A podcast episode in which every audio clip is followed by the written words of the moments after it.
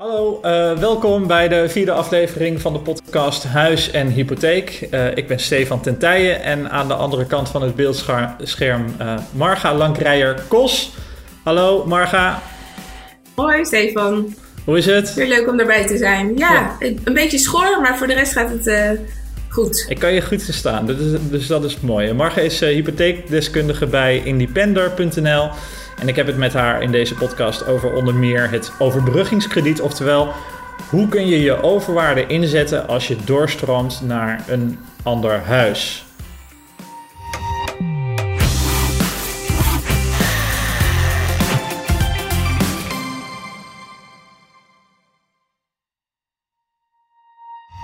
Maar eerst wil ik uh, ook even naar de coronacrisis kijken. Uh, als je wel kunt spreken over een crisis op de huizenmarkt. Mijn collega's vroegen ook al, wanneer gaan we nou iets zien op de huizenmarkt?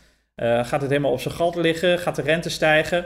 Nou, dat zie ik allemaal niet snel gebeuren. Uh, misschien uh, wat later, maar we kunnen niet voorspellen. Dat is eigenlijk het simpele antwoord, toch Marga? Ja, klopt. Ik, ik zeg ook altijd, we weten het niet. Want het is een gekke markt op dit moment, ja. Ja, we kunnen wel iets zeggen over wat er is gebeurd met de rentepercentages tot nu toe. Uh, verwachting was dat, het, dat die wat omhoog zouden gaan, omdat er toch wat meer onzekerheid is. Dus geldverstrekkers willen dat risico natuurlijk uh, afdekken. Uh, eigenlijk minimale verschillen nog steeds, hè? Ja, klopt. Sinds de lockdown van 16 eh, maart zagen we wel dat snel de geldverstrekkers hun rentes gingen verhogen. En uh, als je kijkt naar dat punt en nu, dan zijn ze ongeveer 0,19 procent. Dus dat is echt een, een, een klein beetje als je kijkt naar hoe ja, laag de rentes, rentes op dit moment zijn, zijn ze gestegen. Uh, en we zien ook dat dat de afgelopen weken een beetje blijft, blijft hangen op die 0,19 uh, uh, procent. Ja.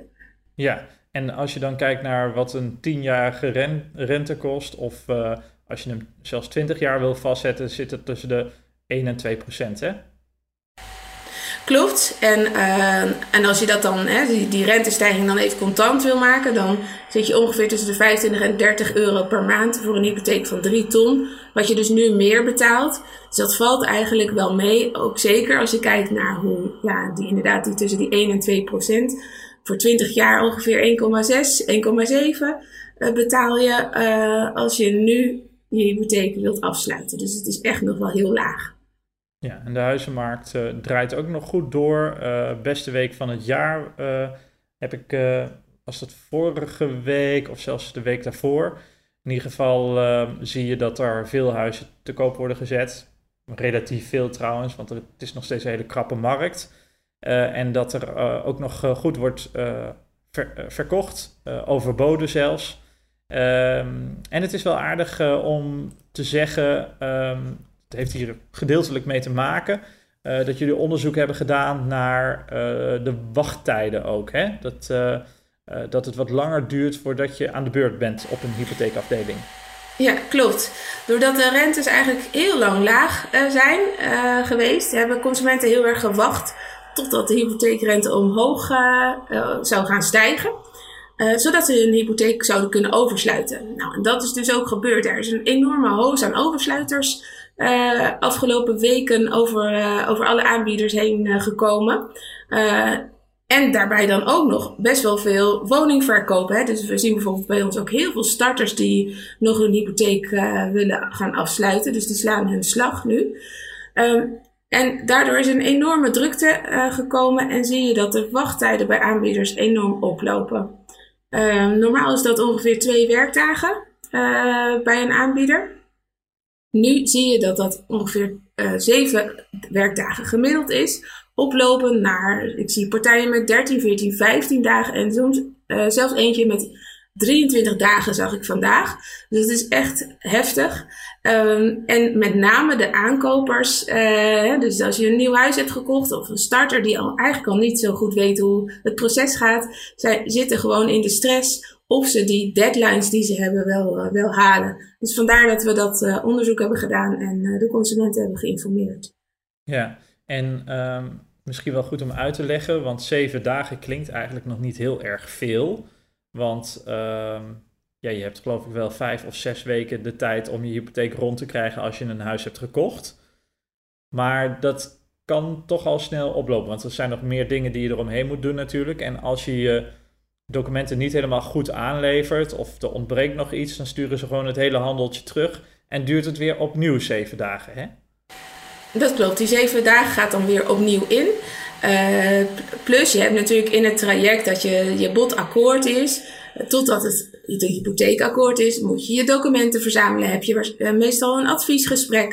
Um, en dat duurt eigenlijk ongemerkt best wel, best wel lang, totdat het do dossier helemaal compleet bij de partij, bij de aanbieder ligt.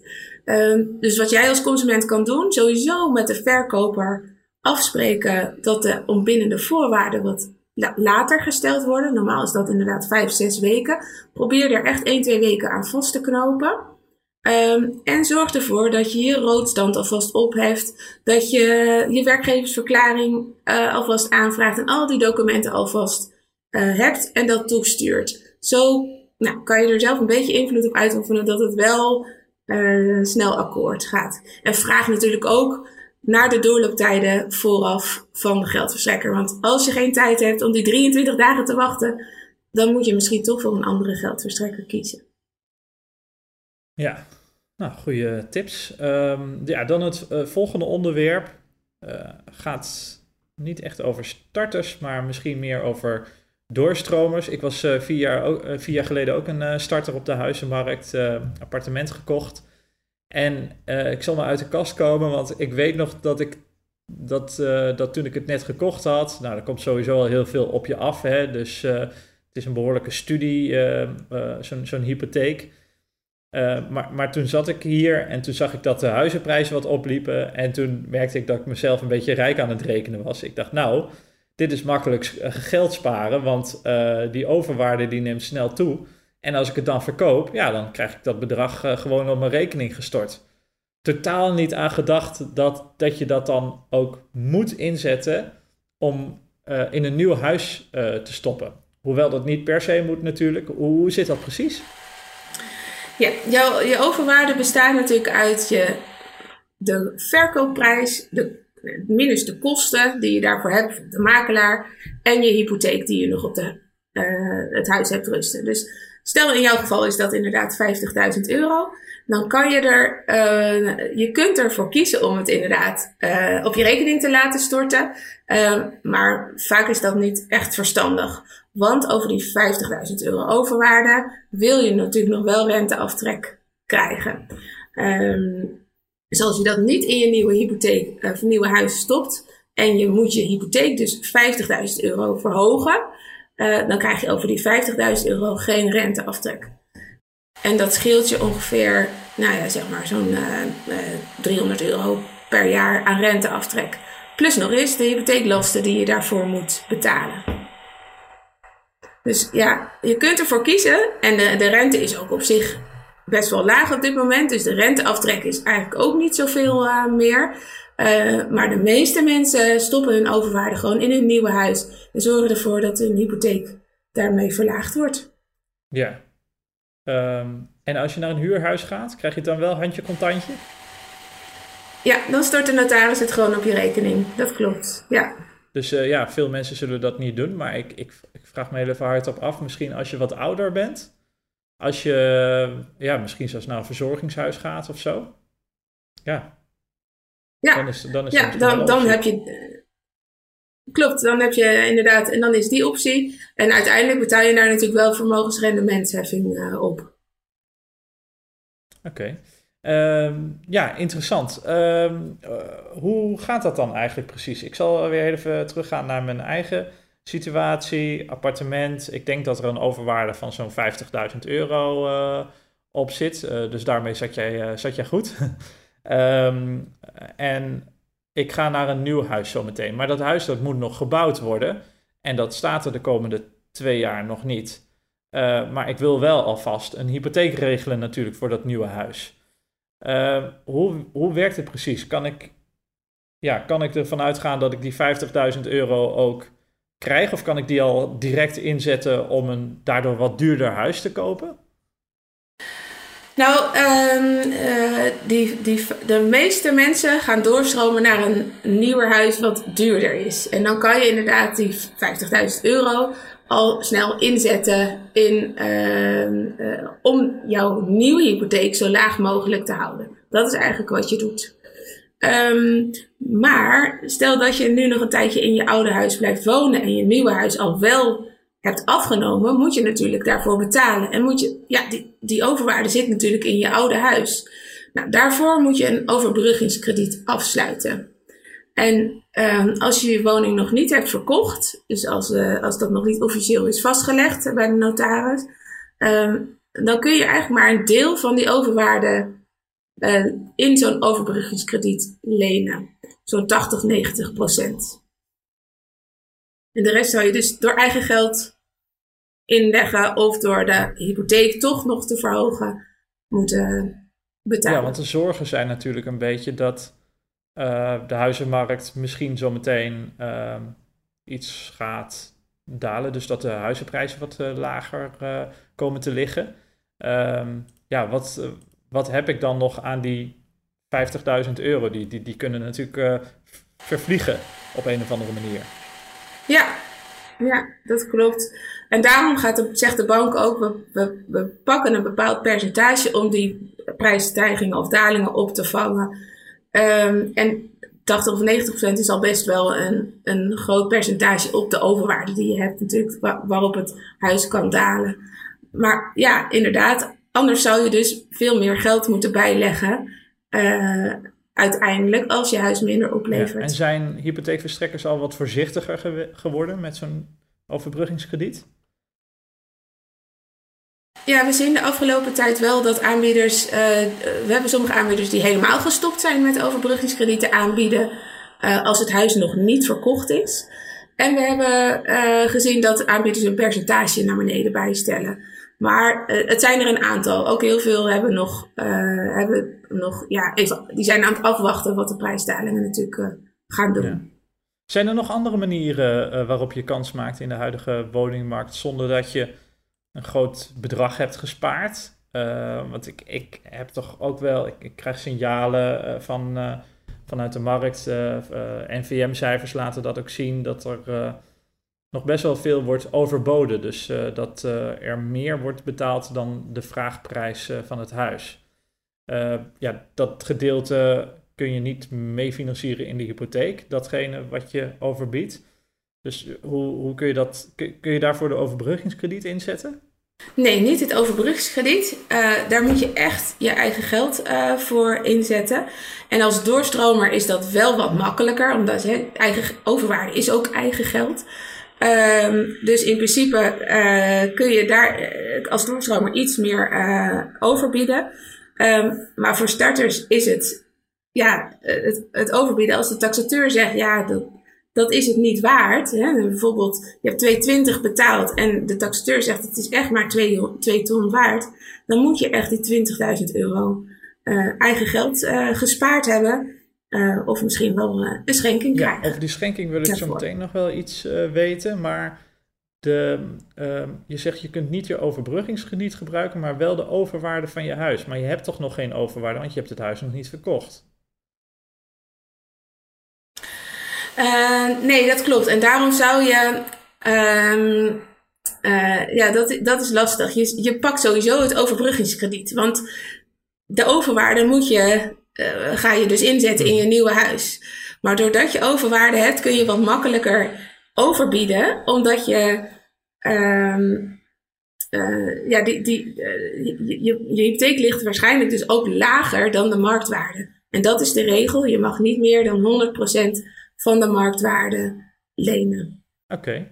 Um, dan, ja, dat, dat uh, schenken, dat vind ik toch ook wel nog steeds interessant. Uit onderzoek van BNR Nieuwsradio, een paar maanden geleden, of zelfs eind vorig jaar, kwam dat zo'n 20% van de starters hulp krijgt van een rijke suikeroom, suikertante. of ouders natuurlijk die geld ehm, gebruiken om hun kind te helpen om, om aan een huis te komen. Um, want het kan belastingvrij tot 100.000 euro, begrijp ik. Als je het voor een huis gebruikt, tenminste. klopt, en tot 40 jaar. ja, dus je, tot, tot je 40, tot, tot en met je 40ste of tot je 40ste? Ja, tot, tot en met het jaar. Ja, het, is, het, het ligt lastig, maar het is tot 40 jaar en er zitten nog wel wat regeltjes aan. Ja. Dus je moet daar, daarin, als je dus in je 40ste jaar zit of 39, check het gewoon even goed. Ja. Ja, ja want ik zit, ik zit gelijk dan te denken, en als nou, als je het met z'n tweeën doet en eentje is 41 en die andere is 38, ja. nou, dan laat je. Ja. ja, dan kan het. Dan kan het, ja, dan, dan kan het, maar dan zou je dus wel uh, de schenking moeten aan de partner en dat moeten ouders dan ook maar winnen als het van ouders komt. Mhm. Dus daar zitten best, ben je zo rond die, uh, die leeftijd, uh, check het even goed. Ja, maar je ziet dat nu echt veel gebeuren. Hè? Dus juist ook omdat er overboden moet worden. Ja, als jij uh, een jaar of 25 bent, dan heb je nog niet zo snel 30, 40.000 euro gespaard. Wat je misschien toch wel nodig hebt om te overbieden. Dat is één. En natuurlijk uh, om nog misschien wat dingen te fixen in je huis. nieuwe vloer, aankleding, aankleding, interieur. Dat, daar gaat ook altijd nog wel een hoop geld in zitten. Uh, dus je krijgt ook wel wat ongelijkheid. Hè? Dus uh, mensen die toevallig wel rijke ouders hebben, die uh, hebben een streepje voor op de huizenmarkt. ja, jij moet wel een beetje geluk hebben als je inderdaad zo'n schenking krijgt. Maar we zien echt heel veel mensen die, en dan zeker niet altijd de volle 100.000 euro, maar die gewoon best wel wat geschonken krijgen om bijvoorbeeld dat eigen geld te overbruggen of uh, ja, gewoon om te zorgen dat ze net dat huis kunnen uh, van hun dromen eigenlijk. Ja. Ja. Je valt in de opname af en toe een beetje weg. Ja, ik zie ik ook dat, dat, dat, ik, dat mijn scherm ook af en toe wegvalt. Dus ik hoop dat het goed ja, komt. Ja, maar maakt niet uit. Ik kan je voor het grootste gedeelte wel horen. En ik denk de luisteraars ook. En deze podcast wordt ook op video opgenomen. Dus is terug te kijken op de websites van uh, het AD, maar ook de regiotitels die uh, zijn aangesloten op de sectie wonen, waar uh, ik voornamelijk voor schrijf en de stukken coördineer. Marga, dank je wel weer voor de uitleg over het overbruggingskrediet. Ik ben blij dat we ook even weer over de rente hebben kunnen praten. ik hoop dat jullie met plezier en interesse hebben geluisterd. En uh, tot de volgende keer over twee weken. Dag. Dag.